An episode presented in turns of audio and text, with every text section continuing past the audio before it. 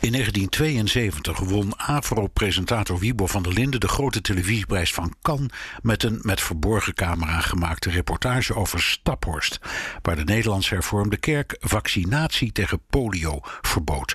Tientallen kinderen werden ziek, vijf overleden.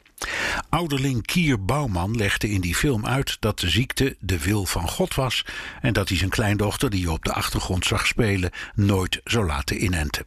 Het maakte in afval op mij een verpletterende indruk. Zodra het coronavaccin er is, staat deze jongen voor in de rij te dringen en ziet de naald verlekkerd in de arm glijden. Tegenwoordig komen de bezwaren tegen vaccineren niet alleen uit religieuze hoek, je hebt de antifaxers, die geloven dat je geen vreemde stoffen in het lichaam moet spuiten, ook niet bij kinderen, want dan ondermijn je het immuunsysteem. Je hebt de mensen die menen dat het lichaam de vijand zelf best kan verslaan. En je hebt grote groepen die ervan overtuigd zijn dat je van vaccins allerhande enge ziektes kunt krijgen: meningitis, diabetes, astma en auto-immuunziektes zoals kanker. Of je kunt er autistisch van worden.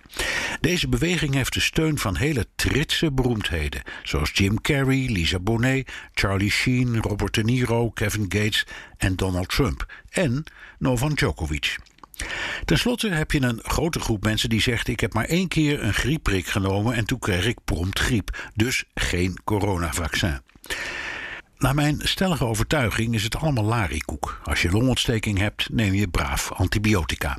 Als je mazelen, difterie, polio, pokken en baarmoederhalskanker kunt voorkomen met een prik, dan ben je volgens mij niet goed snik als je dat niet doet. Maar in democratieën kun je het heel moeilijk verplicht stellen.